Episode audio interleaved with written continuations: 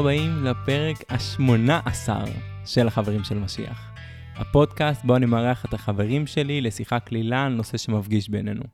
כל פרק חבר אחר על נושא אחר. והפעם נמצא כאן ארטיום. שלום, שלום. מה העניינים אח שלי? מעולה, אחי, מה איתך? וואלה פגז. Uh, באתי היום למשחק חוץ, אליך. נכון, נכון. זה האמת שכבר לא פעם ראשונה שאני במשחק חוץ, אבל uh, אני מאוד מקווה שנשמור על הרמת סאונד, שבדרך כלל uh, לא שהיא כזאת מטורפת תמיד. Uh, אני אז- אשתדל להיות רהוט. לא, לא אתה, הסביבה. זהו, כבר בבית אר- ארגנתי לי כאילו מקום שאני מבסוט עליו מבחינת סאונד וזה. על מה נדבר היום? נתחיל לקשקש קצת על... בפרק הקודם עשיתי פרק על לבד. פרק קצר של רבע שעה, שקצת דיברתי על המצב ואיך אני מקשר אותו לאיזה משהו שלמדתי. Uh, אז נתחיל קצת עם המצב, כי יש לך גם, אה, אתה מאוד אה, דעתן ויש לך גם כמה דברים להגיד. מה פתאום, אני לא יודעת. נכון, וגם שמעתי את הפרק, ויש לי את התובנות שלי. אמ, ואחרי שנעשה את זה, אז נעבור תכלס לחלק העיקרי של הפרק, שבשיחה המקדימה אמרת משהו שכאילו מאוד תפס לי את האוזן. אה, אמרת, אני לא מאמן כושר, אלא אמן. כן, אמן זה אולי הגדרה שאני, כן, אני לא מאמן כושר, אלא אני מתעסק בלעזור לאנשים למצוא את עצמם בצורה קצת אחרת, שזה, הספורט הוא סך הכל דרך לבטא החוצה את, ה... את הדרך שלי לעזור לאנשים בהרבה דברים, שהיא הרבה יותר מפיזית. מעולה. אז אנחנו נרחיב על זה אמ, ממש אחרי שנסיים לדבר על המצב. אני מזכיר את השני פרקים האחרונים שהיו לנו, זה הפרק האחרון, דיברתי עליו לפני רגע, זה פרק שהקלטתי עם עצמי אה, על המצב החברתי-ביטחוני בארץ, אה, בעקבות המבצע האחרון שהיה, ולפני זה הקלטתי פרק עם יניב, אה, חבר שלי, אה, עשינו דירוג של המקומות שהכי עושים לנו את זה בעולם. אה, רגע לפני שמתחילים, אני מזכיר לעשות לייק לעמוד הפייסבוק של החברים של משיח. עשית לייק? בוודאי.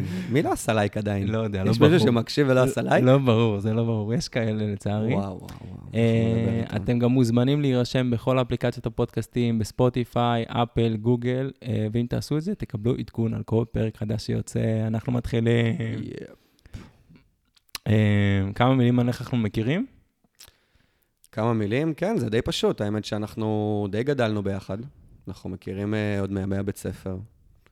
יסודי. האמת שביסודי לא היינו חברים. נכון. אה, נהיינו חברים בתיכון. די מוקדם, בכיתת ספורט. כן. היה לנו הרבה... כן, היו כמה שנים שהיינו חברים באינטנסיביות די גבוהה. כן. בשנים האחרונות אנחנו... נכון. אה, היינו קצת- חברים מאוד מאוד קרובים בתיכון, ואז כזה, אתה יודע, לייף, מה כן, שנקרא, שומרים על, שומרים על קשר טלפוני. כן. אז האמת, מה שמדהים בפודקאסט, שיוצא לי הרבה פעמים להיות עם אה, או אנשים שאני כבר כאילו טיפה פחות בקשר איתם, או שזה מייצר חוויות uh, חדשות, uh, מאוד מיוחדות, אני חייב להגיד. יאללה. Uh, הרבה פעמים, אתה יודע, אנשים uh, מדברים איתך כאילו על המיקרופון, מאוד מאוד שונה מאיך שהם מדברים איתך, שהם יושבים איתך על בירה, uh, שזה נחמד. אתה קצת שונה, כי אתה באמת uh, בן אדם שלא חוסך את דעתו. שזה- חופר, חופר. לא, לא, לא, זה דווקא שזה זה דבר יפה. אמ, אז אה, בפרק אה, שהקלטתי לבד, באמת, אני רק, אה, אני ממליץ כמובן ללכת אה, ולשמוע, להאזין מי שרוצה. אה, אני רק אסכם בכמה מילים את מה שאמרתי. הזכרתי איזו אגדה תלמודית שלמדתי, שנוגעת ב- לימי המצור ולחורבן של, של בית מקדש השני ולמה הוא חרב. והוצאתי מזה כמה מסקנות לגבי השיח, ש, שמי ששולט על השיח זה בעצם הקומץ, והשיח של מתינות לעומת קצניות, והכי חשוב, מבחינתי הדבר הכי חשוב זה כמה ההנהגה שלנו חלשה אה, אל מול הדברים האלה, וכמה היא נותנת אה, לדברים האלה לשלוט. אה, שזה גם מתבטא ב, בסיפור, בהגדה התלמודית, וגם ראינו את זה מאוד מאוד, לפי דעתי, ב, אה, במבצע האחרון. אה, ויש לך השגות לגבי העניין. אה, האמת היא שאני חושב שאנחנו בגדול אה, די מסכימים. כלומר, אנחנו, שזה כבר טוב. דעותינו הם די מאותו כיוון, אנחנו באים אליהם ממקומות קצת שונים. אה, אני בן אדם פחות אה, מחובר לדת ממך, ודיברנו על זה. אני כן מסתכל על זה ממקום רוחני. אני רק אעצור לתקן אותך, אני לא יודע כמה אני מחובר לדת כמו ליהדות, כאילו, ליהדות. מבחינתי זה... אוקיי. אמ, מתוקף המקצוע שלי ומתוקף הלימודים והלמידה שאני עושה גם בתחום שלי, ב, על הפן המנטלי, הפסיכולוגי, על מה קורה לנו בעצם במוח בשנים האחרונות, אז אני מגיע לאותן מסקנות, אני פשוט מסתכל על זה מנקודת מבט קצת שונה. אוקיי. אה, לגבי הקיצון, לגבי אה, הפילוג, אה, לגבי ההנהגה החלשה, שזה... מה, אני חושב שמה שראינו במערכה הזאת, זה באמת פעם ראשונה משהו שמאוד מאוד הסכמתי איתך דווקא בפרק הקודם, זה שזו גם מחשבה שעברה לי, שזאת פעם ראשונה שלא הייתה לכידות בעם. למרות שאני חושב שהלכידות הזאת לרוב היא יותר מזיקה לנו, כי היא בעצם רק עוזרת להחביא את כמה שאנחנו לא באמת מלוכדים. זה מין אה, נקודת אה, הישענות שאנחנו תמיד אוהבים להישען עליה, תמיד כל כמה שנים. אנחנו בסכסוך ובמאבק פוליטי מתמשך פה, שהולך ומקצין עם השנים. אבל למה אתה חושב שה... האמת שדיברתי עם חבר והוא לא כל כך הסכים איתי לגבי הנקודה הזאת, אבל אני עדיין עומד מאחוריה. למה אתה חושב שבמבצע הזה, או בלחימה הזאת האחרונה, הייתה לכידות, לכידות אה, חברתית יותר נמוכה בפעמים הקודמות? כלומר, מה קרה לנו באמצע? אני חושב שזה תהליך שאנחנו עוברים אותו שנים, חברתית, פוליטית. אה, הרשתות החברתיות, הפילוג המאוד מאוד מאוד גדול שנוצר בעם, שאי אה, אפשר להתעלם מהעובדה שהוא קורה לא רק בארץ, אנחנו רואים את זה גם בעולם, ראינו את זה בארצות הברית, אבל אתה רואה שזה מנוהל על ידי אינטרסים של אנשים שטובת הציבור וטובת האזרחים היא לא לנגד עיניהם. אתה רואה שזה אנשים שמנתבים את המחשבות שלנו למקומות שיוצרות להם את התועלת הגדולה ביותר. אה, וכרגע התועלת הגדולה ביותר זה לפלג אותנו, כבר שנים. זה ליצור, אתה יודע, אנחנו לא צריכים באמת לראות את כל הסימנים על הקיר, כי זה כבר לא סימנים. דיבורים על בוגדים ו- ואלימות בין יהודים ליהודים. אתה יודע, אנחנו נכנסנו פה, נכנס פה במלחמה הזאת פה מהעניין האתני, אבל אנחנו רבנו בינינו לבין עצמנו בשנתיים האחרונות. כאילו, אנשים יש לנו זיכרון קצר, אבל בשנתיים האחרונות, כל מה שעשינו היה לריב בינינו לבין עצמנו. נכון. וזה, לדעתי, זה דווקא לא חוזקה שלנו, אה, הלכידות הזאת, שאנחנו תמיד מתגאים בה, כי אני חושב שהיא פיקטיבית כבר המון שנים. אני חושב שהיא...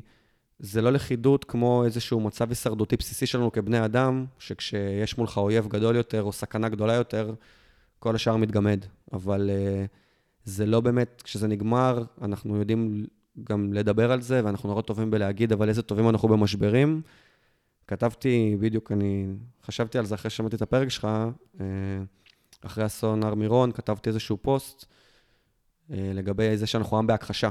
ושאנחנו נורא טובים בלייצר אה, כישלונות שלא צריכים לקרות בגלל ניהול כושל של שנים, ואז להתגאות בעובדה שכשהגב שלנו אל הקיר, אה, אנחנו שם בשביל להיות ביחד. אבל עצם העובדה שאנחנו רגילים כל כך להיות עם הגב אל הקיר כל הזמן, אנחנו כל הזמן במצב הישרדותי, אנחנו כל הזמן במגננה, כל הזמן מספרים לנו שרוצים להרוג אותנו, לתקוף אותנו, ושאנחנו חייבים להישאר ביחד, והאפקט וה... הפסיכולוגי שזה יוצר על האזרחים שלנו.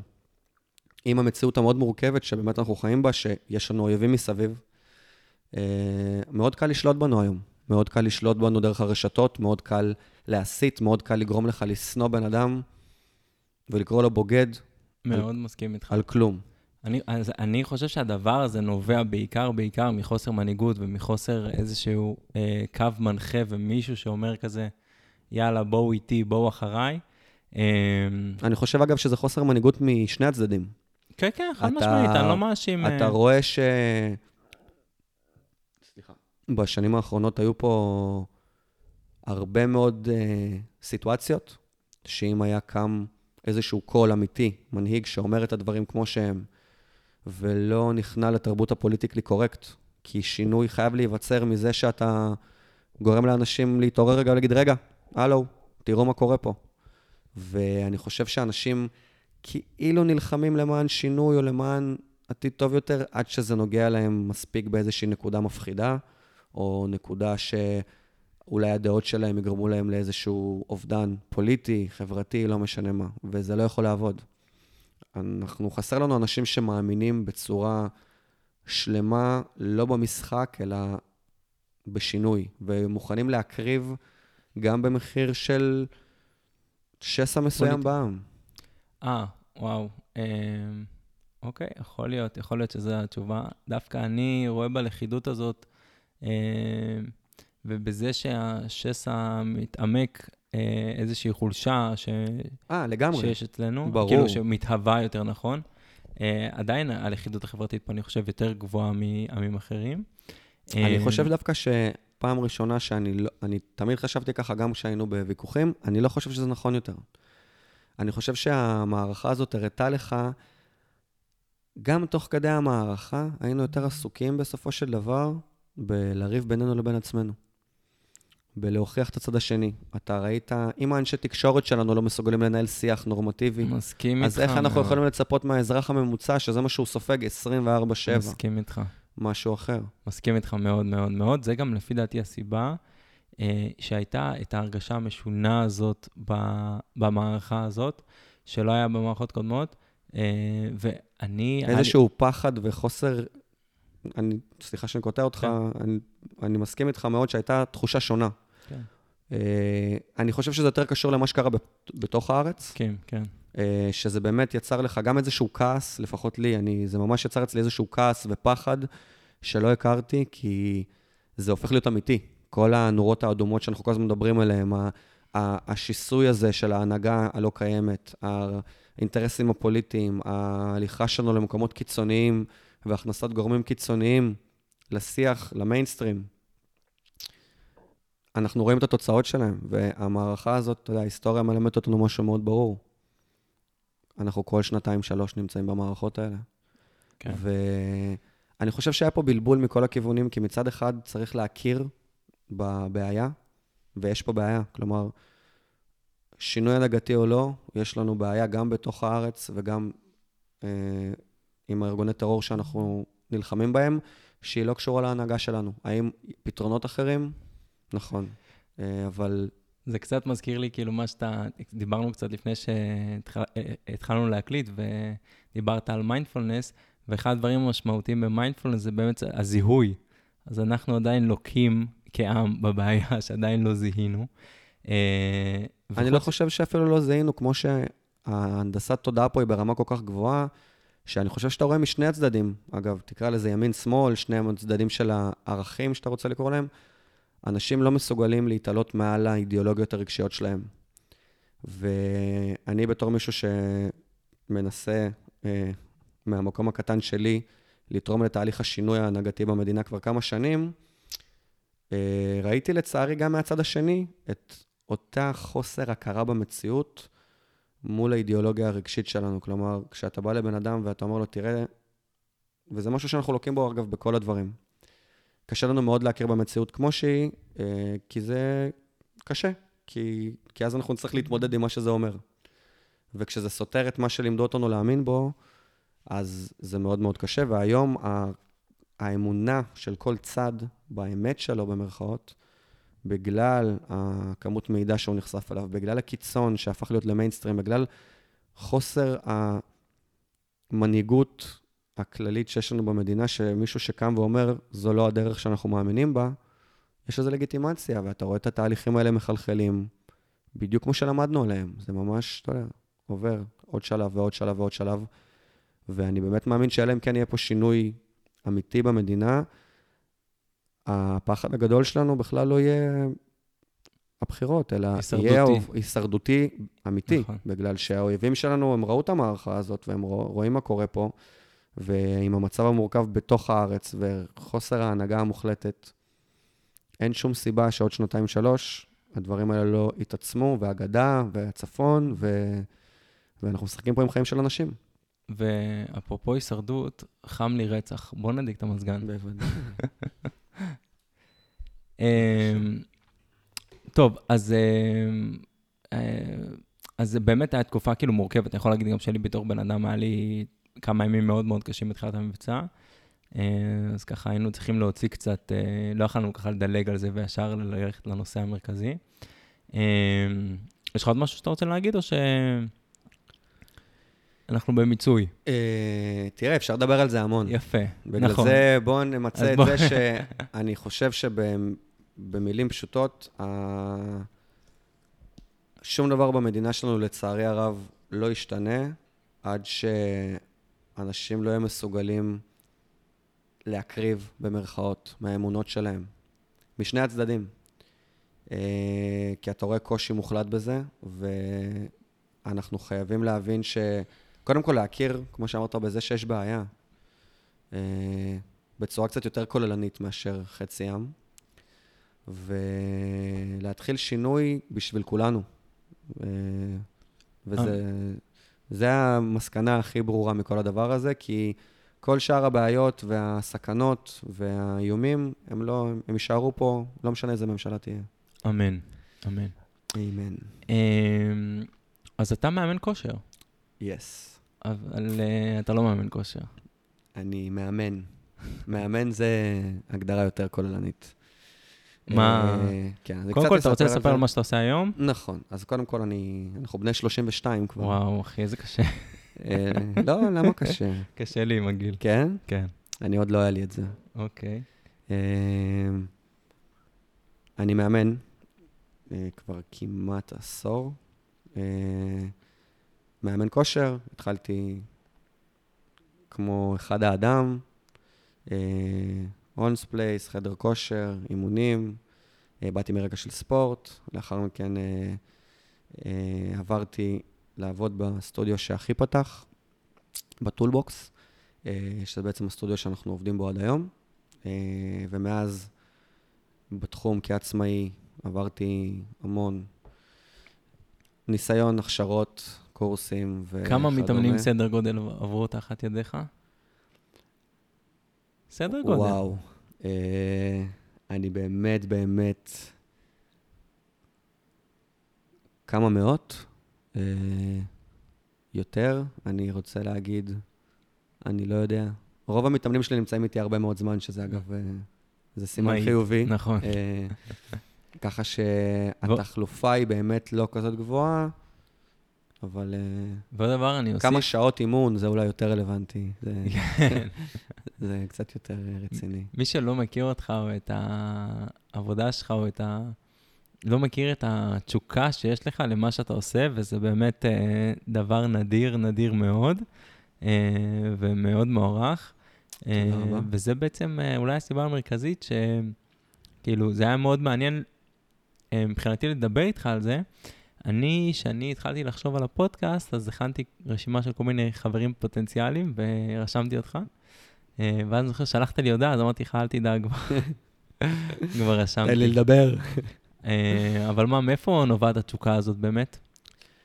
אה, קודם כל, היום הייתי רוצה להגדיר את עצמי כבן אדם שהוא אידיאליסט. אוקיי, הגעתי לזה לאיזשהו עם הרבה שנים של תהיות, לנסות טיפה להבין אה, מי אני ומה אני. אה, ספורט זה משהו שהיה חלק ממני מגיל מאוד מאוד צעיר. אה, כשעליתי לארץ, לא שיחקתי ספורט מימיי, עד שהגעתי לפה. אבל היית חוש- מאוד צעיר. הייתי מאוד צעיר, ואני כן. חושב שהשילוב המהיר שלי, התחלתי לשחק פה כדורגל, כדורסל, והייתי טוב. ואני חושב שזה, קודם כל עזר לי לצבור המון ביטחון, אה, המון, המון אופי. היום אני יכול להסתכל אחורה ולהבין כמה זה השפיע עליי בדבר, בדרכים שלא יכולתי להסביר אז. ההתמודדות הזאת עם הקושי, ה- על להתחיל משהו מאפס, שלא הסתכלתי עליו זה ככה, קיבלתי חינוך, אתה יודע, מהבית. חינוך בחלקו רוסי, לא קשוח, אבל מאוד ערכי, מאוד לעשות את הדבר הנכון, מאוד uh, לעבוד קשה. Um, ואני חושב שהשילוב של זה, אתה יודע, גדלתי בארץ בסופו של דבר,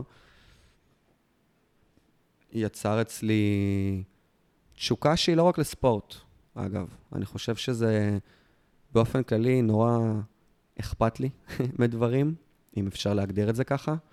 ואני חושב שספורט זה רק דרך לבטא את זה. אה, לבטא את הרצון האמיתי שלי לעזור לאנשים, אה, לעשות דברים שיש בהם משמעות. אה, אז זאת אומרת, הסיפור שלך הוא בעצם היום מהווה לך איזה מקור של תשוקה או מוטיבציה? האמת היא שאף פעם לא חשבתי על זה ככה.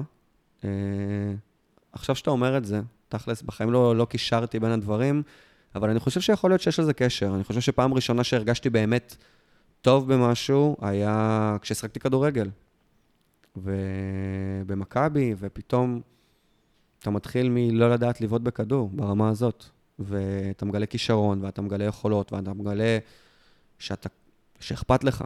תמיד הייתי זה שהכי אכפת לו, זה שצועק, זה שמוביל, נכון, נכון. תמיד, תמיד, תמיד בהכל. נכון. uh, מתוך איזושהי תחרותיות בלתי מתפשרת, ומתוך תרבות ספורט שמאוד, uh, תרבות באופן כללי שלוקה בארץ לדעתי. Uh, אנחנו לא מספיק מלמדים להישגיות בעיניי. נכון, אני בגדול מסכים איתך, אבל אני, ספציפית לגבי הנושא הזה, אני דווקא כן מרגיש שלפחות בתוך העולם שאני חי בו, החילוני, אולי נגיד, אה, לא רוצה להגיד פלצני, אבל לפחות כאילו, בוא נגיד... התל אביבי? התל אביבי, אני לא חושב שרק התל אביבי, יש יש uh, דחיפה מאוד משמעותית למ, למצוינות, גם זו סיבה שאנחנו, לפי דעתי, הרבה פה, אתה רואה הרבה מאוד עסקים מאוד מצליחים ברמה גלובלית. Uh, לצערי בספורט באמת זה פחות מתבטא, זה רק מתבטא ב... אבל כן, אני רואה דחיפה מאוד משמעותית למצוינות, אבל אני מסכים איתך יחד עם זה, שאין השרשה של זה מגיל צעיר, אלא זה משהו יותר הישרדותי כזה. אז אני חושב שיש פה דחיפה למצוינות על ידי אינדיבידואלים. כן. כלומר, זה לא, כמו בהרבה דברים אחרים שקורים כרגע בארץ, אין, אין מערכת. אה, וזה משפיע על הכל. ילדים שמגיל צעיר, אתה רואה, אתה יודע, אם אני אשווה את התרבות ספורט של האמריקאים, אה, נכון. התרבות עצמה, זה, זה הרבה מעבר ל... ללהיות טוב בספורט. זה הרבה מעבר למה יצא מזה. זה מערכת מסוימת, כל הזמן, קודם כל לוגיסטית, אתה יודע. אין פה מגרשים, אין פה ציודים, אין פה, אנחנו יכולים לדבר על זה במיליון ואחד דברים. הכמות שעות פעילות גופנית שאנשים עושים בשבוע, אנחנו בתור ילדי בית ספר, אתה יודע, מה זה היה שיעור ספורט בשבילנו? שעתיים בשבוע, לבוא, עושים קצת ריצות, קצת צוחקים על... כדור. קצת uh, צוחקים על סלאבה, ו... וסלאבה, איזה איש. ומשחקים. אין פה השרשה. אני אומר לכל, המאמנ... לכל ההורים שלי היום, שאני מאמן, תיקחו את הילדים שלכם בגיל צעיר לספורט יחידני. התעמלות קרקע, ג'ודו. לא משנה מה הם ירצו לעשות אחרי זה, בלט. זה לא סותר דברים אחרים, אגב. אה, לא משנה מה הם ירצו לעשות אחרי זה, זה יבנה להם אופי. זה יבנה להם ערכים מסוימים. זה יבנה להם את היכולת להתמודד עם קושי מגיל צעיר, כי בגיל צעיר הם יראו שהם לא טובים, ושהם נופלים, ושהם באים לנסות לעשות משהו, ואולי יש מישהו יותר מוכשר מהם, והם צריכים להתמודד. וזה מושרש. זה מושרש, וזה משהו ש... אתה יודע, אני ואתה בתור חובבי ספורט יכולים לראות גם אצל ספורטאים בוגרים היום בארץ, ואתה רואה, אנחנו יכולים לראות את זה בכל הרבדים של החיים שלנו. יש ללא ספק מוחות מדהימים בארץ. גם בתחום הספורט יש לנו כישרון, ואני בטוח שאם היה לנו פה מערכת, גם לוגיסטית וגם מערכתית ותרבותית ברמת המדינה, ברמה יותר גבוהה, גם היינו רואים יותר הצלחות ישראליות. אבל יש, יש סיבה שאנחנו רואים הצלחות רק בתחומים יחידניים, תחשוב איזה פרדוקסלי זה שאם אנחנו ניקח את תחום הספורט, כל הענפים שאנחנו מביאים בהם מדליות, אליפויות עולם או הישגים משמעותיים, הם ענפים דלי תקציב, ללא ש... כמעט שום תמיכה מדינית, אה, בטח ביחס לענפים הכביכול מובילים, והם אלה שמביאים את ההישגיות. איך זה יכול להיות? כי קודם כל, לא משנה מה אתה עושה, וזה נכון היום גם אם אתה פותח חברה, ואנשים. המרקם החברתי, האופי שלנו, היכולת שלנו לתקשר אחד עם השני ולהוציא אחד מהשני סטנדרט אחר, הוא זה שבונה את החברה שלנו. ואתה רואה את זה היום בכל, בכל דבר. אתה רואה את זה בצורה שאנחנו מדברים אחד לשני, אתה רואה את זה, זה מדבק. החוסר הישגיות הזאת הוא מדבק, ואני בתור מישהו שהיום יוצא לי לחוות אנשים מכל המנעד גילאים, אה, מחבר'ה נורא צעירים לחבר'ה ב-60 פלוס, אתה רואה המון קווי דמיון, אתה רואה, אתה רואה המון אה, קשר בין איך בן אדם אה, מתמודד עם קושי באימונים ראשונים. תן דוגמה הוא... למשל. כשאני מלמד מישהו משהו חדש ואני רואה איך הוא מגיב לביקורת, אני רואה איך הוא מגיב לזה שהוא לא טוב, אפילו בלי ביקורת, אני רואה איך הוא מגיב לזה שהוא לא יודע מה הוא עושה. אני רואה אם הוא מחפש ללמוד, או שהוא מחפש לענות לי. אה, עם השנים אתה מפתח, אתה יודע, עשיתי קורסים גם בפסיכולוגיה התנהגותית, ודברים שמעניינים אותי, כי הפן המנטלי של הספורט תמיד דיבר עליי מאוד, כי אני חושב שזה הרבה מעבר. ואתה רואה יחס ישיר בין התמודדות של בן אדם. המוח שלנו קולט קושי באותה צורה. הפולסים האלה של החוסר נוחות שאנחנו מקבלים, אם זה כשיש לנו מוט על הגב, כמה שזה יישמע לאנשים מוזר, לבין כשאנחנו מתראיינים לעבודה חדשה, הם אותם פולסים. ואתה רואה קשר בין אנשים מצליחים בצורת גישה שלהם לחיים, ביכולת שלהם להתמודד עם קושי, ברצון שלהם במרכאות להיכשל, שזו מילה מבחינתי שלא קיימת, אוקיי? Okay? אלא אם כן אתה ספורטאי תחרותי או אתה בתחרות כלשהי, אתה לא יכול להיכשל. אתה יכול להיות ממש כישרוני במשהו, אתה יכול להיות מאוד גרוע במשהו, זה לא רלוונטי. אנשים לא מסתכלים היום על תוצאה סופית. יש לי איזשהו יעד מסוים ואני רוצה להגיע אליו. ברגע שאתה רוצה להגיע ליעד מסוים, מה שקורה באמצע הדרך, כמה זמן זה לוקח, הופך להיות פחות רלוונטי. אתה צריך ללמוד ליהנות מהקושי, מהתהליך הזה. אז אה, אם אנחנו באמת חוזרים אחורה למה שכאילו, המשפט שאמרתי בהתחלה, שאמרת לי, אז זה חלק של ה... שאמרת לי, אני לא מאמן כושר, אלא אומן, או שאתה יכול ל... ל... rephrase it, איך אומרים בעברית? כן, אני לא חושב שאמרתי אומן, כי זה... אוקיי, אז בואו אה, ננסח מחדש. אמרתי, אני לא מאמן כושר, אני מאמן אנשים לדעתי, או okay. אני אוקיי. עוזר לאנשים להתפתח. אה, משהו, משהו קצת פחות פלצני. לא הרבה פחות פלצני, קצת פחות פלצני. אוקיי. Okay. אז, אבל זה בדיוק החלק שאתה מדבר עליו, זה מה שהופך, כאילו, לא הופך, אבל זה מה שמבדיל אה, אותך, לפחות בראייה האישית שלך, ממאמן כושר אחר? קודם כל, כל התחום שלנו, אני אתן קצת אה, שתי דקות של רקע תן, לתחום. תן.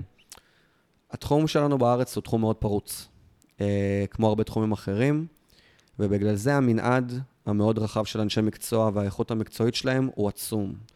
ברמה של אני מאמן מבחינת אנשים שלא מכירים אותי ובן אדם אחר שהוא מאמן, והפער בינינו יכול להיות כמו ילד בכיתה א' ובוגר אוניברסיטה, ברמת הידע, ברמת הניסיון, שזה אגב לא אשמתם של האנשים, אה, זה משהו שלוקח שנים להגיע אליו, זה בגלל התנאי קבלה, זה בגלל אה, הרבה מאוד דברים שנעשים בצורה מעט חאפרית בעיניי בארץ, וגם המאמנים היום שמסיימים קורס הכשרה, מבינים שזה זה כלום ושום דבר. התנוע, תנועה זה עולם עצום. עם השנים, שוב, זה גם תלוי באינדיבידואל וכמה רוצה להתפתח. פיזיותרפיה, שיקום, תנועה, ספורט, זה הכל קשור. כמה שתדע להיות טוב, זה כמה שתבין את עולם התנועה, את גוף האדם ואת היכולת שלך לעזור לאנשים, ואתה יודע, הניסיון והרצון ללמוד עושה את שלו. אני חושב שהיום אני מסתכל ממבט של מישהו שטפו טפו כבר נמצא בתחום הרבה יחסית שנים, שזה מצחיק להגיד, כי אני מסתכל עלינו בתור ילדים עדיין, וזה מצחיק שיש לי קריירה כבר תקופה שהיא כן עשור. אה, היום אני מסתכל על זה ככה, אבל אני חושב שבשביל שתוכל להשפיע על אנשים באמת, אתה חייב לגבות את זה בהמון יכולת. אתה חייב לגרום לאנשים לרצות להתמודד עם קושי.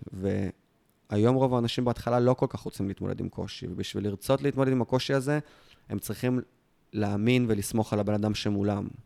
ככה שאני חושב שהיכולת באמת להשפיע על אנשים, וזה גם מתחבר אגב קצת לעניין המנהיגותי שדיברנו עליו, חייבת להיות מגובה ב- ב- במשהו. חייבת להיות מגובה בלא סתם לצעוק, אלא לעבוד אנשים. אני הולך לקרוא על חטא תחת במרכאות, אבל ברגע שהם רואים איך אתה מציג להם את זה, הם רואים מה אתה עושה איתם, והם רואים את התוצאות של הדבר הזה, אז הם מבינים את, ה, את התמורה. אני חושב שרוב האנשים, סליחה שאני זה, משפט ש... אני חושב שהסיבה שרוב האנשים נמנעים מקושי היום, היא כי הם אף פעם לא עושים אותו מספיק זמן בשביל לקבל את התחושה של ההיי של מה שהוא מביא איתו. וזה חלק מאוד מאוד חשוב, כי איזה בן אדם, אתה יודע, אנחנו בני אדם, אנחנו, מי רוצה לו קשה כל הזמן? מי רוצה שיהיה לו תסכול או קושי, זה תחושות שהיום אנחנו נמנעים מהן, פחד, לרוב. ורק כשאתה עובר את הליפ הראשון הזה של להגיד, וואו, התחושה הזאת של ההגשמה, גם אם זה בהכי קטן, גם אם זה בללמוד תרגיל שנראה לך הכי מתסכל, ויש לי אנשים שמגיעים, ובאמת, מגיעים לרמות תסכול בעשר דקות שאתה לא דוגמה, מאמין. דוגמה. אתה מלמד מישהו תנועה חדשה שנראית לו מאוד בסיסית, או מתקן מישהו שחשב שהוא יודע לעשות דברים ומעולם לא אה, עבד עם מישהו בצורה מקצועית, ופתאום אתה מנפץ לו איזשהו, איזושהי אמונה שהוא ידע מה הוא עשה, ואתה פתאום מלמד אותו, והוא פתאום אומר, וואי, חשבתי שאני רואה את התמונה, ובא בן אדם ופותח לי את העיניים שראיתי אולי אחוז אחד מהתמונה. ובהתחלה זה יכול להיות מאוד קשה, מאוד מתסכל, כי אז פתאום אתה מלמד אנשים לזוז, ואנחנו... הרצון של אנשים הם להרגיש טוב עם עצמם באופן מיידי, בכל דבר, והתחושה הזאת של אני לא מצליח, אני לא טוב, מה זה אומר, היא נורא מיידית. אתה רואה את זה, אגב, בכל הגילאים, לא רק בדור שלנו, בטח לא רק בדור היותר צעיר, גם באנשים בני 50, 60, שאני חושב שאנחנו באופן כללי כבני אדם מגיעים לאיזשהו גיל מסוים, ונכנסת לנו המחשבה שאנחנו צריכים להפסיק ללמוד, או להתפתח, או שאנחנו כביכול איזשהו מוצר מוגמר. אני רואה את זה המון. ואז כש...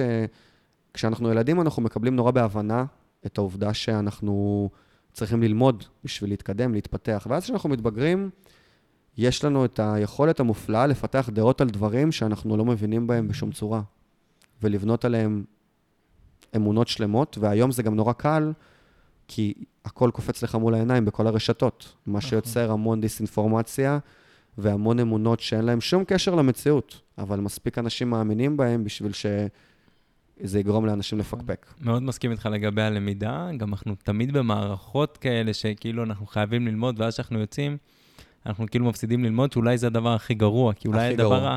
המשמעותי שהמערכות האלה צריכות ללמד אותנו, זה לא את החומר, זה איך ללמוד, ומה המוטיבציה ללמידה, ולמה בכלל ללמוד.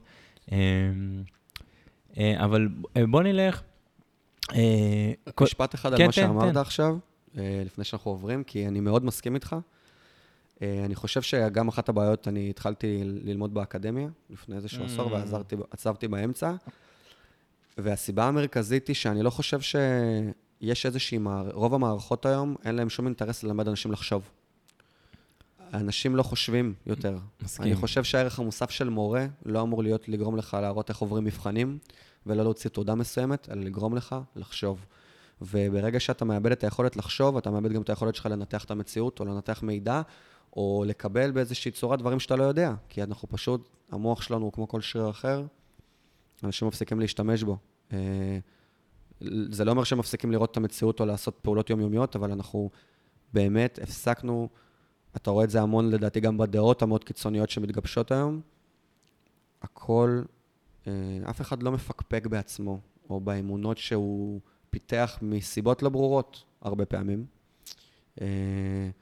אה, ראינו את זה המון בשנתיים האחרונות, אתה יודע, עם החיסונים של הקורונה, עם דבר כזה או אחר, דברים מאוד מאוד... אה, אגב, זה קיצוניים. שאתה עזבת את הלימודים, אני אז ראיתי את זה כמעשה מאוד אמיץ, כי זה גם כזה הליכה נגד החברה, וגם, נכון. האמת שזה הפתיע אותי, כאילו, גם אתה בא מבית כזה, כמו שאמרת, שכאילו, כן, זה אמא הפתיע שלי אותי. בהתחלה היה לה קשה. כן. דווקא אבא שלי לא.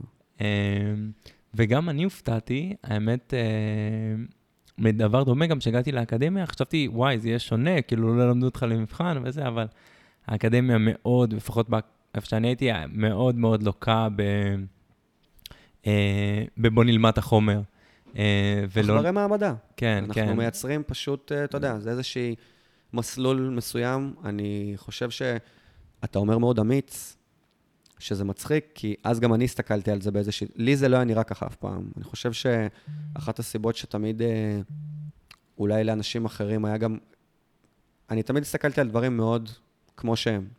אף פעם לא הפחיד אותי אה, להיכשל, או לא הפחיד אותי... לא הפחיד אותי לעזוב את הלימודים, כי לא הסתכלתי על מה יגידו, הסתכלתי על, אוקיי, זה לא מה שאני רוצה לעשות בחיים. אני תמיד ניסיתי, אתה יודע, לעצור שנייה את הרגשות המאוד טבעיים שלנו של אה, איך הסביבה תגיב, כי בסוף, כמה שאנחנו רוצים לחשוב שזה משהו אחר, אז לא הייתי בן אדם כזה בכלל, אגב, הייתי מאוד uh, מבולבל וחסר ביטחון, כמו שאני חושב שרוב הדור שלנו בגיל הזה, וזה גם בסדר. כל בן אדם נראה לי, כן, אני חושב שזה גם. קושי, אנשים קשה להם להודות ב... אני לא יודע הכל. אני לא יודע מה אני רוצה להיות, ואני לא יודע מי אני, ואני ב- לא יודע מה אני, וזה ממש בסדר. בטח בגיל הזה, שאתה... בגיל הזה זה ברור, אתה יודע. כן. ואני חושב שההפך, היום, אתה יודע, ההבנה ש... זה מצחיק איך אנחנו מתייחסים היום לביקורת, אבל אני חושב שאם נסתכל, נפשט את זה, כל בן אדם שנמצא בחיים שלנו, מבחירה שלנו, הוא בן אדם שכנראה רוצה שיהיה לנו טוב. או זה מערכת יחסים הבסיסית של כל בני אדם, אף אחד לא עושה רע בכוונה. וזה מצחיק לחשוב שביקורת היא סך הכל בן אדם שמולך שאומר, אני כל כך אוהב אותך, שאני חושב שאתה יכול יותר מזה. זה מה שזה אומר בסוף. יפה. אני כל כך אוהב אותך ואני כל כך מאמין בך, או בך, שאני חושב שאתה מסוגל ליותר. ואני יודע שזה קשה. הביקורת היא לא אומרת, וואי, איזה גרוע אתה, איזה... אלא, אתה עדיין לא טוב בזה, אבל אתה יכול להיות טוב, אתה תהיה טוב. זה, אתה צריך לעבוד קשה בשביל זה, כמו כולנו. ואני חושב שחוסר ההבנה הזאת, או המגננות שיש לכולנו, לרוב הדור שאני רואה היום, אה, שלנו בעיקר, כי זה הדור שאנחנו חיים, אה, נובעות נורא מהדבר הזה של ה... מה אם אני אכשל, מה אם אני אהיה לא טוב, מה אם אני אהיה גרוע, תוסיף לזה, אתה יודע, את המדיה ואת מה שמלמדים אותנו לחשוב, ואת הנדסת התודעה שקורית לכולנו היום, ואתה מקבל איזשהו מוצר של בן אדם ש... שהרבה מהם פשוט אבודים. אה, אבודים ומחפשים אה, לאן לברוח, ואנחנו בתור אה, אנשים שגרים בתל אביב, מאוד קל לברוח פה. פה הכי קל. מאוד קל, מאוד קל לברוח. יפה. אני מסכים לכל מילה, אבל אני רוצה להמשיך הלאה. ביקשתי ממך, קל לראות, או לפי הצורה שאתה מתבטא, שכבר גיבשת לעצמך איזשהו center בחיים. כן. אה, וביקשתי ממך אה, לחשוב או, uh, על איזה uh, אדם שהסתכלת עליו uh, והיווה לך השראה לצורת חשיבה הזאת. אז uh, בטח יש לך לא, לא מעט דוגמאות, אבל תן לנו אחת. כן. Uh, האמת היא שכשאמרת לי את זה, uh, בהתחלה ישר חשבתי, כמו שדיברנו, אמרנו אולי נביא מישהו, אתה יודע, מתאמן או מתאמנת שלי שהיוו השראה, ומישהו מהחיים שלי, ואני חייב להגיד שהשינוי אה, הכי גדול שעברתי, שהיווה לי השראה, היה דווקא מהכישלונות שלי במרכאות, או מהדברים שלא הצלחתי בהם. אה, אם זה מערכות יחסים, אם זה ההבנה של איפה אני רוצה להיות לעומת איפה שאני נמצא במקצוע, אה, שגרמו לי לאיזושהי הסתכלות עצמית, ו... אבל לא היה מישהו חיצוני שהיווה לך השראה ב, ב, בדרך חשיבה? ברור. אה, אני לא חושב שהיה מישהו שהיווה לי השראה של אני רוצה לחשוב כמוהו, אלא mm-hmm. אני חושב שככל שנחשפתי ליותר אנשים, mm-hmm. ונחשפתי ליותר תוכן, אז לאט לאט, אתה יודע, אנשים קוראים לזה להתעורר. לאט לאט הצורת חשיבה שלי אה, מצאת עצמי נמשכת בצורה טבעית. אה, וזה אנשים מכל מיני תחומים. אה, אני חושב שזה בעיקר אנשים, אני יכול להגיד לך... תן אחד, תן. אה, אל תתבייש. טוב, אתה... אתה רוצה שאני אתן גם? מישהו שלי? אה, לא, לא, זה דווקא, להתבייש זה בטוח לא. אה, אתה יודע, כמובן שבאתי מתחום הספורט, וקובי בריינט מאוד השפיע על הצורת חשיבה שלי. אה, דווקא בגלל שזה בן אדם שמאוד שנאתי כשהוא היה שחקן. כן, כנ"ל, גם אני. ואני מאוד מאוד מאוד מחובר ל mindset שלו, בעיקר דווקא בדברים שהוא עשה אחרי הפרישה, והדברים שהוא דיבר אחרי הפרישה. אה, לא כולם מכירים, אז תן לנו ככה. נכון. אה, בעצם על מה המטרה שלנו, אתה יודע, אני חושב שכולנו בסוף, אם תשאל בן אדם מה אתה רוצה, אני רוצה להיות מאושר. מה זה אושר? אני מחפש את עצמי, אני רוצה איזה שהם יעדים, אני רוצה איזושהי הגשמה, ואני חושב שהיום ה... הדבר הכי מפוספס זה שהאושר הזה, או ההגשמה הזאת, מגיעים בסופו של דבר ממשמעות. משמעות אמיתית, שזה משהו שהוא מאוד חסר לנו היום, כי אנחנו מאוד טובים בלשים תמונות מאוד שטחיות וחיצוניות לאיזשהו אושר. כי זה נורא קל, מסיבות, אה, בילויים, אה, אינסטגרם, לא שיש בזה משהו רע בכל הדברים האלה, אבל זה כן דרך נורא נורא קלה מלברוח בסוף מלהתמודד עם השאלה, אוקיי, זה מה שאני רוצה, כאילו, אני חי פה פעם אחת, זה מה שאני רוצה להשיג, אז הרבה אנשים מוצאים משמעות בזוגיות מסוימת. אה, אני עדיין, אתה יודע, דיברנו עכשיו, אה, אני חושב שהעבודה שלנו, ורוב האנשים שאני מאוד מאוד מעריך, אה, היא רוב, רוב הזמן שאנחנו מבלים ביום-יום שלנו, וקשה לי מאוד להתחבר לאנשים שלא אוהבים את מה שהם עושים, אוקיי? רגע, רגע, אבל אל תברח לי מקובי. לא, לא, אני לא אברח. אה, כאילו, מה, מה יש בבן אדם הזה? אני יכול להגיד שאני אני גם מאוד לא אהבתי אותו בתור שחקן. אה, ככל שהוא הלך והתבגר, אני יותר אהבתי אותו, ואז באמת, אה, אחרי שהוא פרש, אה, אז ראיתי לו מהדוקו וכל מיני אנשים שמדברים עליו, ואולי הדבר הכי מרכזי, שחשבתי, האמת שזה הדבר שאתה מתחבר אליו, יכול להיות שכן, שכל הזמן, כמעט כל אחד אמר עליו, שהוא לא היה הבן אדם הכי, הוא, הוא כמובן היה כישרון על, כן? אבל הוא תמיד היה גם זה שעובד הכי קשה. קודם כל היה עובד הכי קשה. הכי קשה. כאילו, חמש בבוקר הוא היה... יש עליו סיפורי מורקים, אתה יודע. קמים ב- קם בשלוש לפנות בוקר. אה, אני חושב שזה, אגב, התוצאה. העבודה הקשה היא התוצאה. אה, היא מעניין. תוצאה של מחשבה. Mm. אה, הרבה, הוא, קודם כל הוא עשה דברים מדהימים אחרי שהוא פרש, הוא פתח אקדמיה לאימון, אה, הוא הוציא ספרים. אגב, אני לא יודע אם זה, אתה יודע, הוא הוציא הנה. סדרת ס- ספרים לילדים. אה, לא ידעתי. על, אה, כן, על הישגיות ועל הגשמה, וספרים שמותאמים לילדים על להתמודד עם קושי. ואני חושב שהצורת מחשבה הזאת של אתה רוצה לתקוף את מה שקשה בחיים שלך. אתה רוצה להתמודד עם קושי, והמורקים המטורפים האלה אה, הם תוצאה. אני חושב שהדבר שאני הכי מעריץ את קובי בריינט עליו, שזה יישמע קצת אה, מוזר, אני חושב שגם אחת הסיבות שאני מתחבר אליו, כי זה בן אדם שעבר תהליך. ואני חושב שאני מאוד מתחבר לזה, כי גם אני בן אדם שעבר תהליך עם עצמו. מעניין. אה, מבחינת לתעל את האמוציות ולתעל את מה ש... אתה יודע, לא כישרון, אבל את הצורה שאני רואה את העולם למקומות הנכונים, לנצל את האנרגיה הזאת למקומות טובים ואיזשהו שינוי. והדבר הכי מוערך שאני זוכר אותו עושה, זה דווקא המסיבת עיתונאים אחרי כל הסיפור שלו, שקרה לו בגיל 23, היה שם סיפור פלילי עם הבחורה, היא טענה שהיה שם משהו על גבול האונס. אה, הוא לא, זה הוסדר מחוץ לבית משפט, שילם לה. הוא שילם לה הרבה מאוד כסף, אה, הוא עשה טעות עצומה, אה, היה שם משהו שהוא אפור מאוד, אבל בוא נגיד ככה, זה לא משנה, הוא טעה, בגדול. ודווקא בגיל 23, לשבת מול כל העולם, עם אשתו לידו, נכון. ולדבר על זה בצורה שהוא דיבר, אה, הראה איזה בן אדם הבסיס שלו, אוקיי? וזה מראה לך, אנשים גדולים עושים טעויות וטעויות עצומות. אה, אני חושב שהצורה שהוא השתנה, וההערכה העצומה שהייתה דווקא הצורה שנשים דיברו עליו אחרי הטרגדיה שלו, הנערות הצעירות שהיו באקדמיה שלו, האנשים שהוא עזר להם, לאור העובדה שזה העבר שלו, זה בעיניי מעורר השראה. אה, אתה צריך להיות בן אדם מאוד מאוד מיוחד בשביל זה. אה, וכל המנטליות שלו, הגישה שלו לחיים, של העבודה הקשה, שאחרי הפרישה, אה, הסרט שהוא הפיק שזכה באוסקר, שזה גם מטורף. איזה סרט?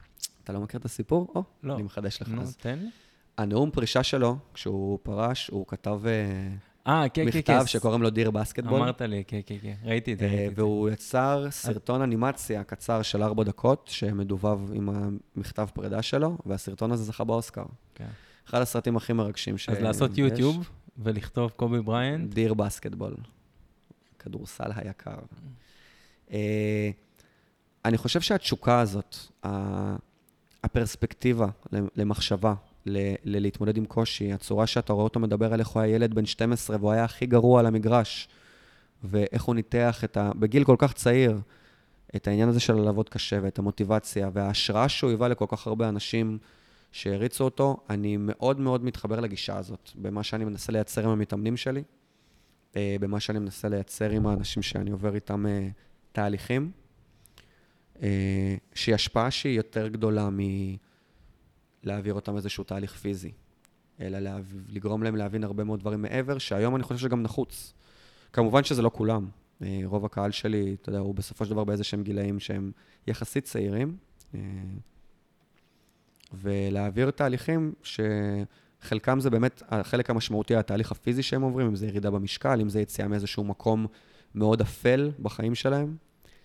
אה, וזה משהו שאתה יודע, דיברתי על זה עם חבר למקצוע, שקשה להסביר לבן אדם חיצוני את התחושה ואת ההשפעה, בטח מהפרספקטיבה של איך בן אדם ממוצע תופס, אתה יודע, מאמן, לצורך העניין.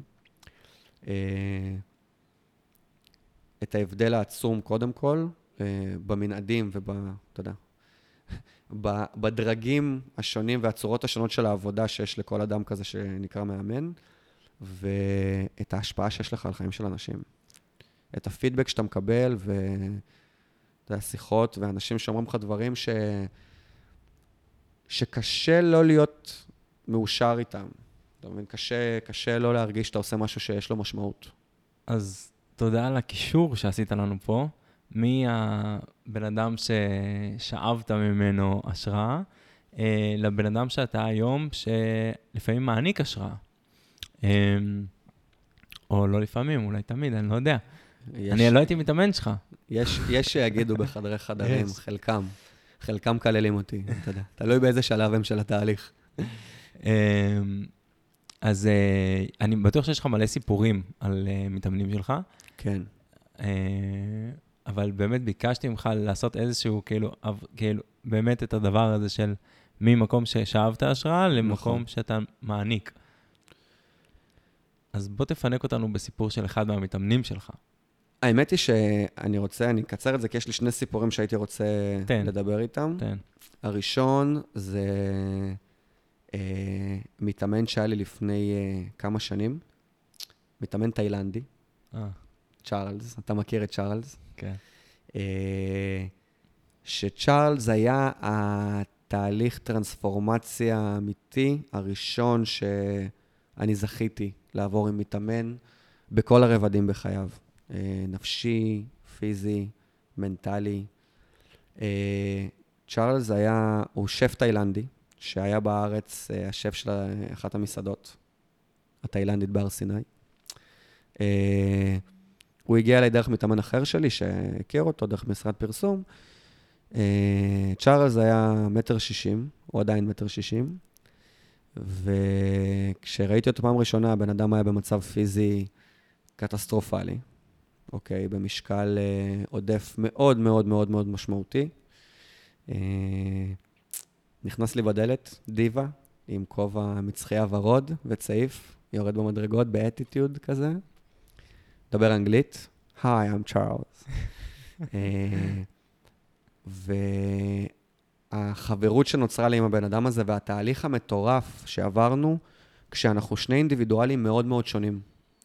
אה, צ'ארלס הוא אדם מהקהילה, בשנות ה-40 לחייו, תאילנדי.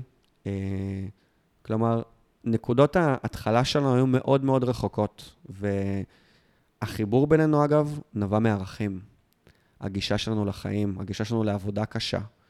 והוא היה הבן אדם הראשון שהראה לי, קודם כל, שזה עניין של רצון נטו. הוא בן אדם שעבד 16 שעות ביום, כל יום, והיה מגיע לשלושה אימונים בשבוע, לאורך כל התהליך שעברנו. אה, ועבד מאוד קשה, והוא התחיל מנקודת התחלה מאוד מאוד מאוד מאוד קשה. כלומר, מצב פיזי באמת מאוד מאוד קשה. אה, אני לא אחשוף פה מספרים של כמה הוא היה בהתחלה וכמה הוא בסוף, אבל ירדנו ביחד 45 קילו. וואו. וזה בן אדם שהוא מטר 60, אז אפשר להבין שזה כנראה היה פה מצב באמת קיצוני.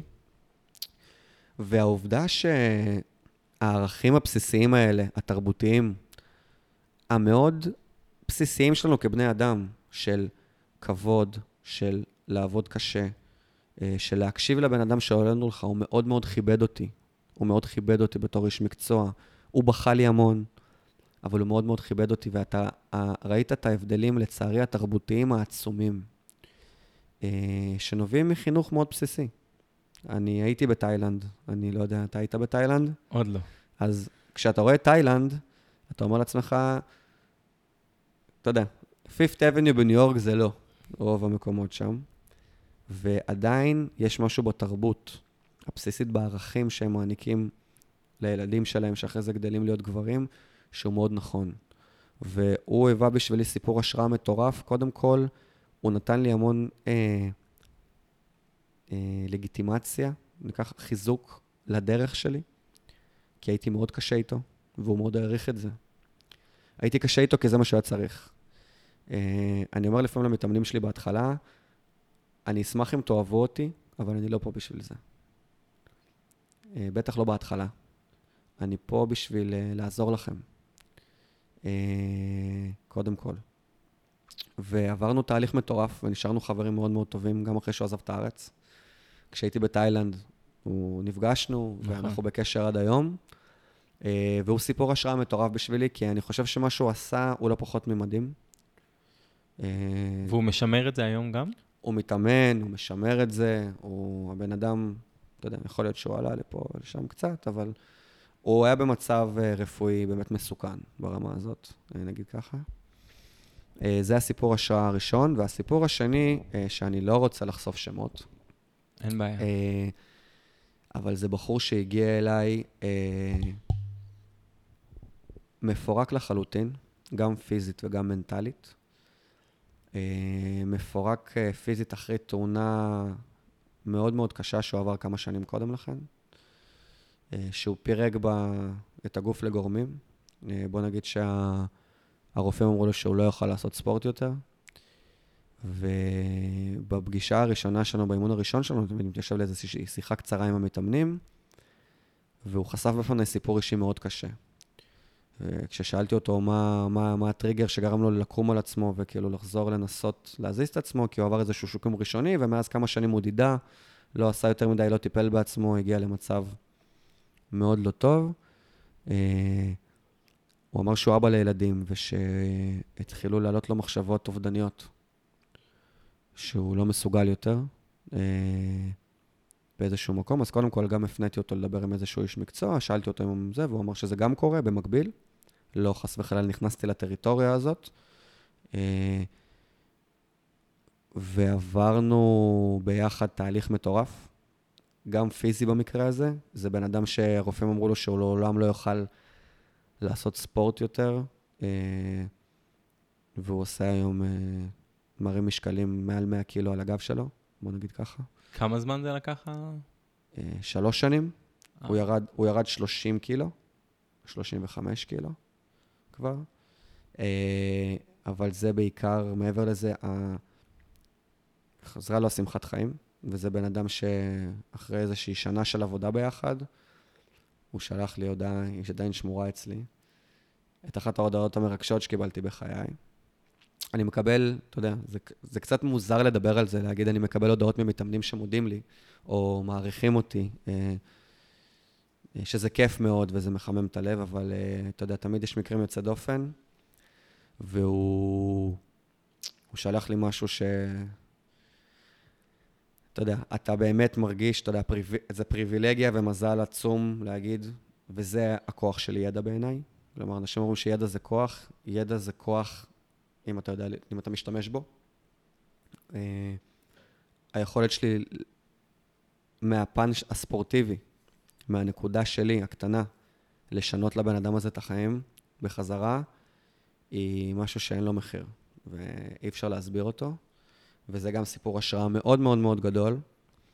אה, שגם בשבילי. באיזשהו מקום הוא מחזיר לך השראה, זה לא חד-כיווני. זה תמיד דו-כיווני. זה תמיד. אז זה, אתה יודע, כששאלתי אותי את השאלה, זה בדיוק העניין, זה תמיד דו-כיווני. כן. כשאני רואה את האנשים שעובדים קשה ככה, כשאני רואה בן אדם שבקושי יכול לעלות מדרגות, מגיע אחרי 14 שעות משמרת כטבח, להתאמן, כשהוא סובל, והוא סובל מכל דקה, שלא תטעה, הוא סובל מכל דקה, והוא יודע שזה מה שהוא צריך לעשות, ההתמודדות הזאת, והאמונה הזאת, והדבר הזה שבן אדם, אתה יודע, מפקיד בידיך, הוא, אתה יודע, אנחנו לא דיברנו על הפן ה...